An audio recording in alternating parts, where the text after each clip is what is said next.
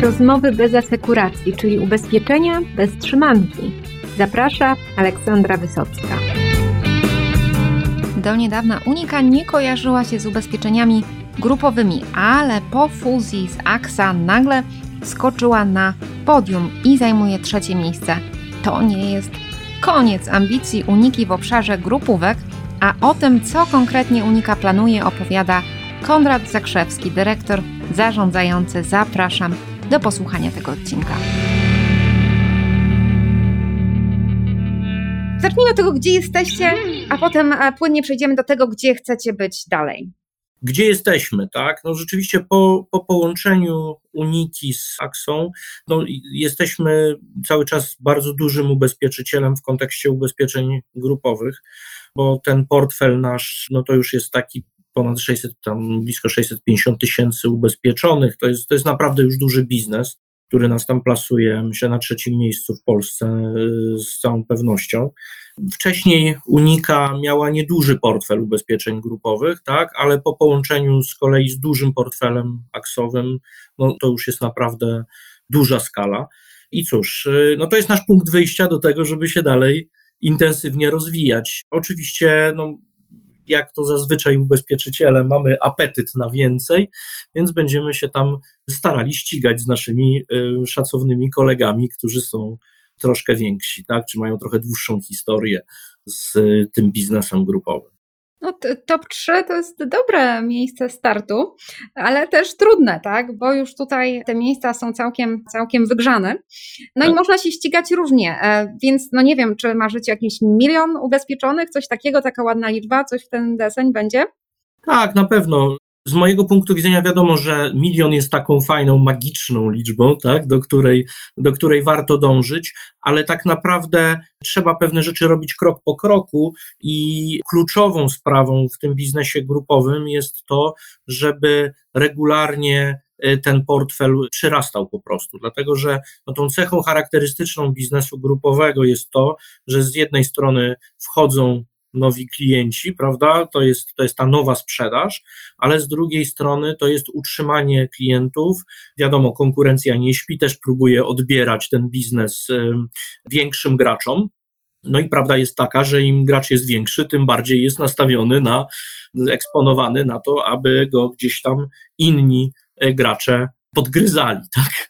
Więc to jest też obrona tego, co się, co się ma, ale to chodzi tak naprawdę o to, żeby zapewnić klientom, którzy są z nami, często przez bardzo wiele lat, no, taką jakość serwisu ze strony naszej organizacji, żeby oni po prostu chcieli z nami być przez wiele lat i żeby w związku z tym ten portfel się nabudowywał, bo jak patrzymy tak na rynkowe mm, historie wielu ubezpieczycieli, to jest tak, że jakoś tam rozwijali się do pewnego momentu, a potem no, mają cały czas sprzedaż, ale z drugiej strony tracą tyle, mniej więcej tyle, co sprzedali w ciągu roku i stoją de facto w miejscu. I wielu graczy rynkowych no jakby osiągnęło taki pułap, którego jakoś tam nie bardzo może przeskoczyć, albo te zmiany są jakieś takie mało dynamiczne. No naszym celem jest to, żeby rosnąć i żeby z drugiej strony nie tracić. I to ma też dwa wymiary, bo to tracenie oznacza, że może jest tak, że ktoś odchodzi do konkurencji, ale jest jeszcze drugi bardzo istotny wymiar utraty biznesu grupowego, to jest taki, że Polacy mają często tendencję do zmiany pracy. W związku z tym po prostu odchodzą z grup, zmieniają pracę i idą do jakiejś nowej, nowej firmy, tak, pracować. I w związku z tym ważny jest taki bieżący serwis tych polis grupowych, żeby na miejsce tych odchodzących ubezpieczyć tych, którzy dołączyli, a to wymaga regularnej, stałej współpracy z klientem i też takiego modelu biznesowego, który umożliwia pilnowanie takich rzeczy. I tutaj też bardzo pomaga technologia, na co zwracaliście no, dużą uwagę już od, od jakiegoś czasu. Tam było dużo wysiłku, dużo, dużo energii tych zespołów IT, żeby to śmigało. I jak technologicznie teraz u Was wygląda obsługa ubezpieczeń grupowych i co tu jeszcze macie do zrobienia, jakie plany? Jak wygląda technologicznie. Jest kilka takich momentów krytycznych w biznesie grupowym, w których ta technologia, a już pandemia to pokazała no, stuprocentowo, ta technologia jest potrzebna. I teraz tak, pierwszym takim podstawowym, najbardziej tradycyjnym to jest system administracyjny dla osób obsługujących. I dzisiaj nie wszyscy ubezpieczyciele go mają, chociaż no powoli staje się to standardem, ale z naszej perspektywy, jeżeli ktokolwiek chce mieć większą skalę tego biznesu, to to jest must have w grupówce i to jest obsługa przystąpień, wystąpień w trakcie trwania ubezpieczenia. To musi być wygodne dla pani, czy to najczęściej pani, 99% no to są panie, dla pani obsługujących, dla osób obsługujących. System powinien być przyjazny, szybki, łatwy w obsłudze i to jest w ogóle fundament wszystkiego. Znaczy, w dzisiejszych czasach obsługiwanie przystąpień i wystąpień na Excelach no wydaje się już, powiedziałbym, naprawdę archaizmem, a poza tym jest no, też ryzykowne z punktu widzenia jednak przepisów chociażby RODO, tak? Bo to jest wysyłanie mailami, prawda? To są jakieś tego typu rzeczy. To nie jest coś, co powinno być standardem w XXI wieku. I to jest jeden wymiar. Drugi wymiar jest taki, że jest moment, w którym zawiera się samo ubezpieczenie. I to jest taki moment prawdy, gdzie nowa organizacja ubezpieczeniowa wchodzi do firmy. I znowu, to jest spore zamieszanie w firmie, żeby wymienić ubezpieczenie grupowe, które się ma, na, na nowe. I teraz przez szereg lat te procesy jednak były robione w formule papierowej, i myślę, że dalej część klientów, zwłaszcza osób bardziej takich tradycyjnych, starszych, no może jednak czuć tą sympatię do formy papierowej, więc ta forma papierowa musi być. Natomiast ewidentnie widać, że młodzi ludzie chętnie korzystają, ale nie tylko, nie tylko młodzi, tacy, którzy są po prostu zdigitalizowani w swojej pracy, coraz chętniej chcieliby korzystać z formy elektronicznej. Czyli w ogóle możliwość elektronicznego zapisania się do ubezpieczenia, nie przerabiania żadnych papierów i tak dalej. I to jest drugi bardzo ważny wymiar, w który trzeba e, inwestować. My to już mamy, praktykujemy od dłuższego czasu ten zapis elektroniczny i to nam się bardzo dobrze sprawdza, tak? A w szczególności w takich firmach, gdzie na przykład jest rozproszona struktura, tak? Nie wiem, kierowcy jeżdżący po całej Europie na przykład. No, można wymieniać mnóstwo takich takich przykładów, gdzie po prostu wysłanie komuś linka do aplikacji, on się zapisuje i, i, i ten proces uruchomienia polisy jest przyjazny. To jest bardzo ważna sprawa.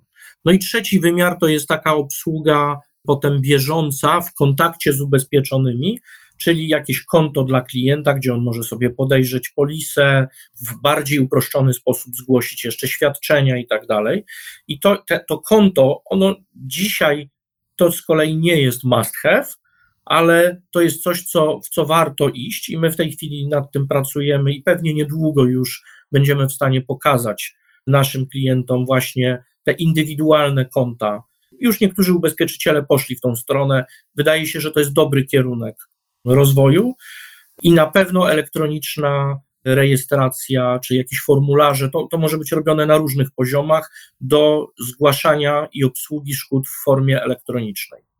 To jest w ogóle coś, co się wydarzyło, co, co myśmy już tę, tą, for, tą formę elektroniczną zgłaszania szkód promowali od wielu lat, ale w momencie, kiedy nastał COVID, doszliśmy do takiego poziomu, że w tej chwili w zasadzie 98-90% wszystkich szkód jest do nas zgłaszane w formie elektronicznej i nawet te osoby starsze zawsze tam mają kogoś w rodzinie, kto w razie czego im pomoże i zgłosi tą szkodę, a dzięki temu my jesteśmy w stanie te szkody dużo szybciej wypłacać, bo potem mogą je przejąć procesy, które mamy zrobotyzowane i tam jakby główne wyzwanie z punktu widzenia doświadczenia klienta, bo to doświadczenie jest krytyczne, to jest to, że potrafimy część szkód wypłacić na przykład w 6 minut. Też się człowiek może przestraszyć, że, że tak szybko dostanie świadczenie. Tak, tak, tak. Znaczy, zanim klient, zanim klient dostanie od nas decyzję, to nagle dostaje informację z banku, że już mu kasa na konto wpłynęła i to powoduje, że ten klient jest zadowolony. Tak? Bo to właśnie przecież o to chodzi, bo my nie kupujemy ubezpieczenia. Kiedyś pamiętam z dawnych, dawnych czasów były takie narracje, że posiadanie polisy ubezpieczenia na życie to jest jakiś ekskluzywny, nie wiem co, tak, coś takiego specjalnego, ale tak naprawdę to, to nie o to chodzi, tak, my kupujemy ubezpieczenie na życie po to, żeby w momencie, kiedy mamy jakąś trudną sytuację, czasami radosną jak urodzenie dziecka, ale zazwyczaj trudną, szybko i bezproblemowo dostać pieniądze, tak? Mhm. I im szybciej my jako ubezpieczyciele zrealizujemy tą potrzebę klienta, tym ci klienci będą bardziej zadowoleni. To jest proste, ale to nie jest łatwe.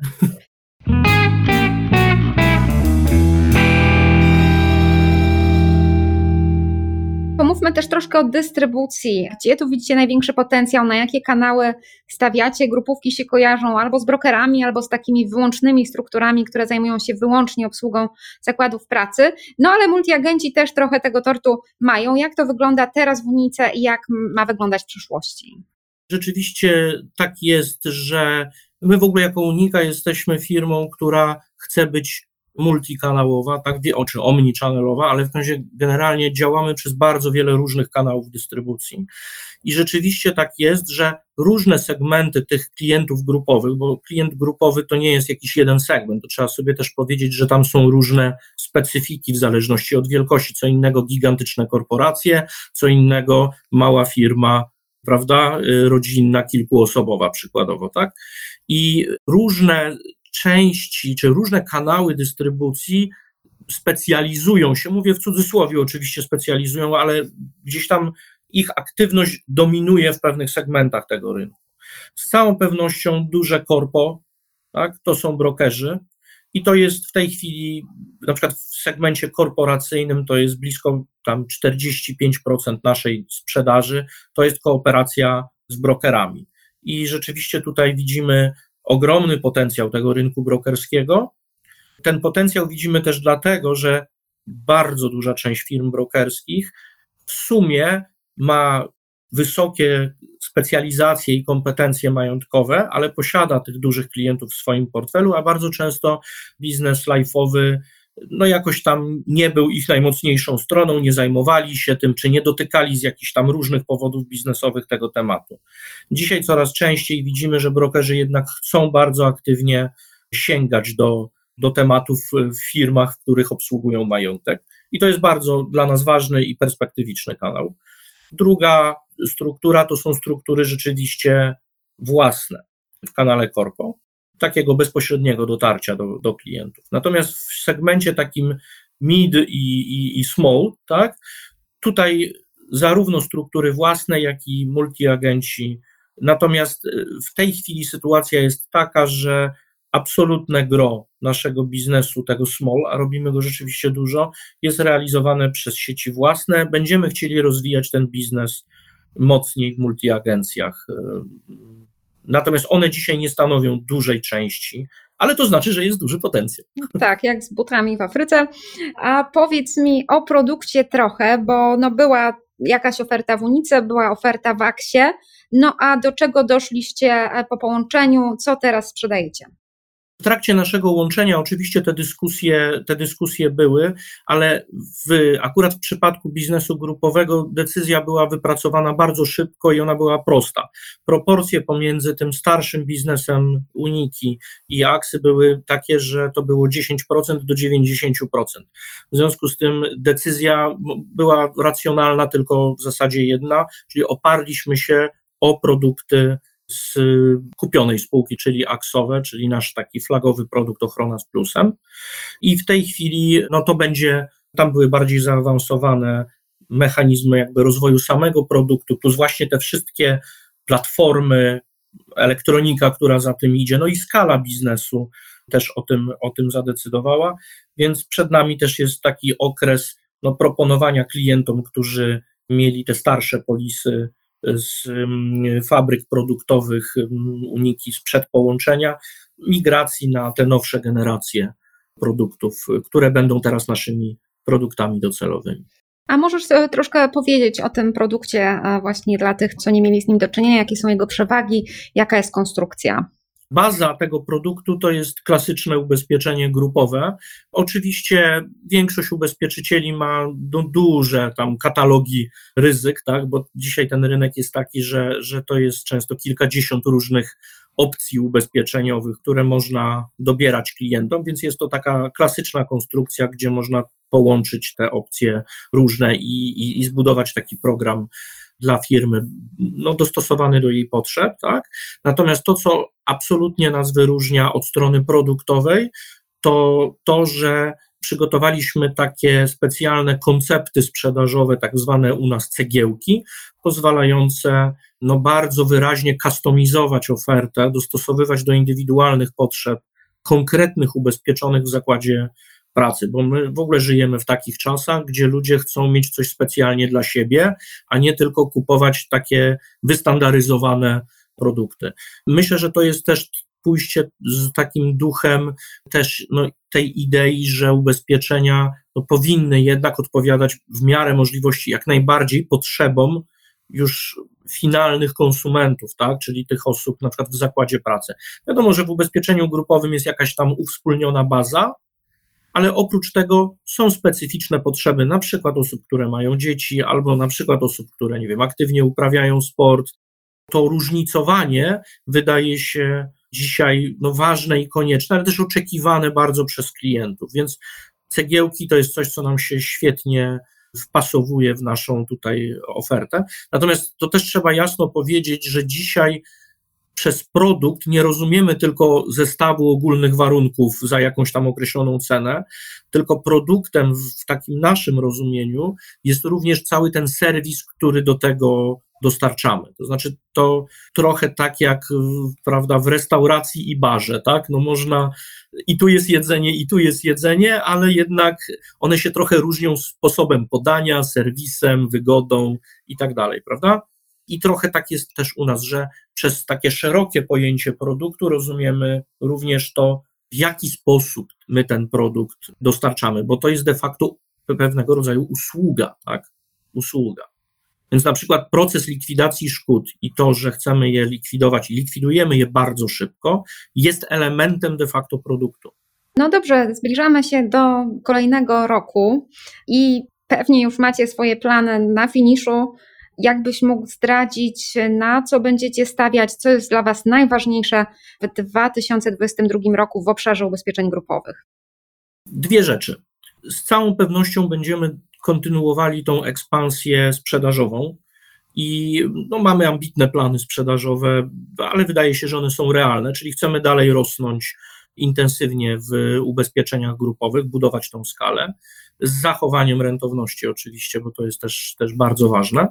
Natomiast od strony takiej y, wewnątrz bardziej organizacyjnej, to najbliższy czas będzie pod znakiem digitalizacji, czyli usprawniania narzędzi i dostarczania lepszego doświadczenia klientowi dzięki digitalizacji procesów, czyli na przykład właśnie dostarczeniu jakiegoś konta zamkniętego, w którym klient może sobie właśnie obejrzeć swoją polisę, usprawnieniem procesów obsługowych dla osób obsługujących, żeby to było jeszcze prostsze i jeszcze łatwiejsze, usprawnieniem tych kwestii związanych z elektronicznym zapisem, żeby to też było wygodniejsze i przyjemniejsze dla klienta. Czasami w niektórych aspektach będziemy przechodzili na jakby nowsze wersje systemów informatycznych, tam silników baz danych innych tam technicznych rzeczy, ale generalnie chodzi o to, żebyśmy byli sprawniejsi od strony tego, tego wsparcia informatycznego, bo to się wprost przekłada na doświadczenie naszych klientów.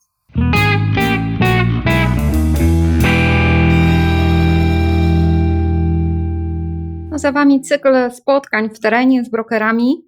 Jakbyś mógł podsumować Jakie, jakie wnioski z tych spotkań, jaki klimat taki brokersko-unikowy, no i co najważniejszego wynikło dla Was? No tych ile ich było? Co najmniej kilka. Tak, znaczy z takich dużych spotkań brokerskich były trzy w różnych miejscach kraju, gdzie na każdym z nich było tam kilkadziesiąt, ponad 100 osób, tak mniej więcej w tych granicach więc no, dosyć duża część tutaj rynku brokerskiego się pojawiła. No, mieliśmy bardzo pozytywny odbiór mm, po tych spotkaniach. Nie wszyscy brokerzy to byli tacy, którzy z nami wcześniej współpracowali i dostaliśmy takie informacje, że rzeczywiście ta nasza koncepcja i w ogóle nasz pomysł na, na robienie tego biznesu i też na to, jak wspierać brokera, bo broker też potrzebuje wsparcia w procesie wdrożenia kontraktu grupowego, tak? To nie jest tak, że żeby robić dobrze biznes z brokerami, tak? Broker to jest de facto emanacja klienta, tak? Przedstawiciel klienta. I on pod, tak samo potrzebuje wsparcia w procesie wdrożeniowym, w procesie zbierania deklaracji, zorganizowania tego od ubezpieczyciela, tak samo jakbyśmy kontaktowali się bezpośrednio z klientem i wydaje się, że to, to jakoś szczególnie brokerzy doceniają I, i też dużo o tym rozmawialiśmy, tak?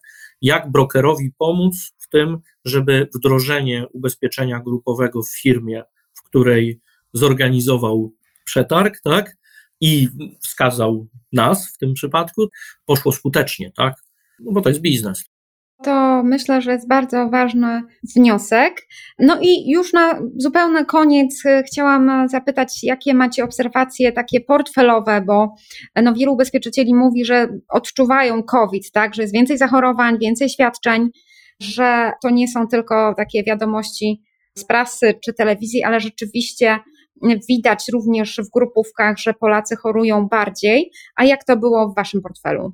Tak, znaczy to rzeczywiście tak jest, że, że fakty są takie, że wszyscy ubezpieczyciele finansowo odczuli, a y, COVID, wszyscy życiówkowi ubezpieczyciele go odczuli, to, to jest oczywiste, dlatego że obiektywnie tak jest, że faktycznie no, jest zdecydowanie większa, no w szczególności tutaj umieralność tak, osób w związku z COVID-em i różnych tam sytuacji około covidowych, na przykład związanych z tym, że był ten moment, kiedy ta służba zdrowia miała pewną niewydolność i łapała zadyszkę, w związku z tym też ludzie umierali na inne choroby, bo na przykład były jakieś tam problemy z dostępnością do lekarzy, więc to się oczywiście finansowo odbiło. To, co mnie cieszy, to jest to, że no, jesteśmy w stanie zaabsorbować tą zwiększoną, zwiększoną szkodowość. No, od tego ubezpieczyciele powinni rozsądnie te swoje składki liczyć, żeby przyjąć również ten, tą sytuację, że od czasu do czasu jest po prostu pandemia, tak jak, nie wiem, w ubezpieczeniach majątkowych jest od czasu do czasu,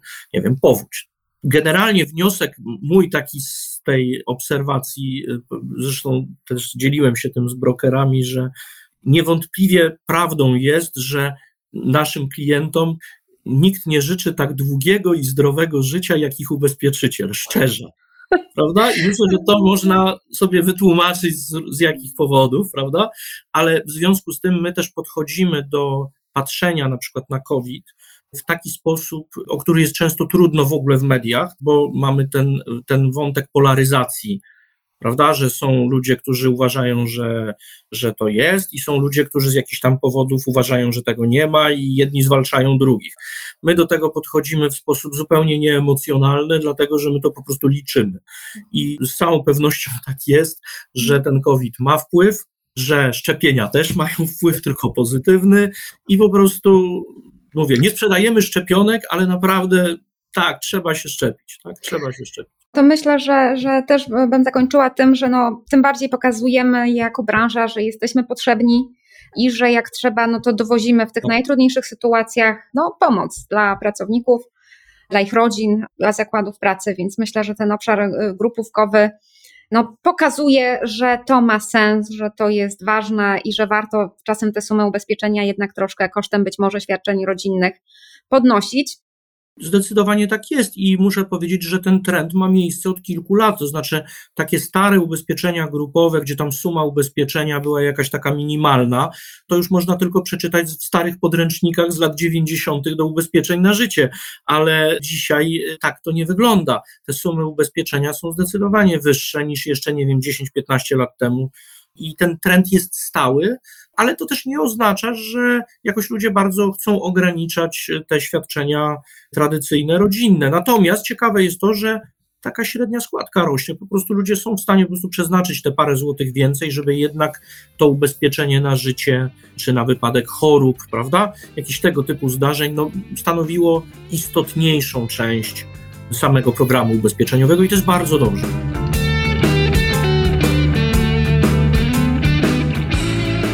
Ubezpieczenia grupowe stają się coraz istotniejszym źródłem ochrony dla Polaków, rosną zakresy, e, rosną umowy dodatkowe i elastyczność tych produktów, tak więc warto się nimi interesować, no i być na bieżąco z tym, co szykują liderzy rynku, a wśród nich jest również Unika. Dziękuję, do usłyszenia w kolejnych odcinkach podcastu ubezpieczeniowego Rozmowy bez asekuracji.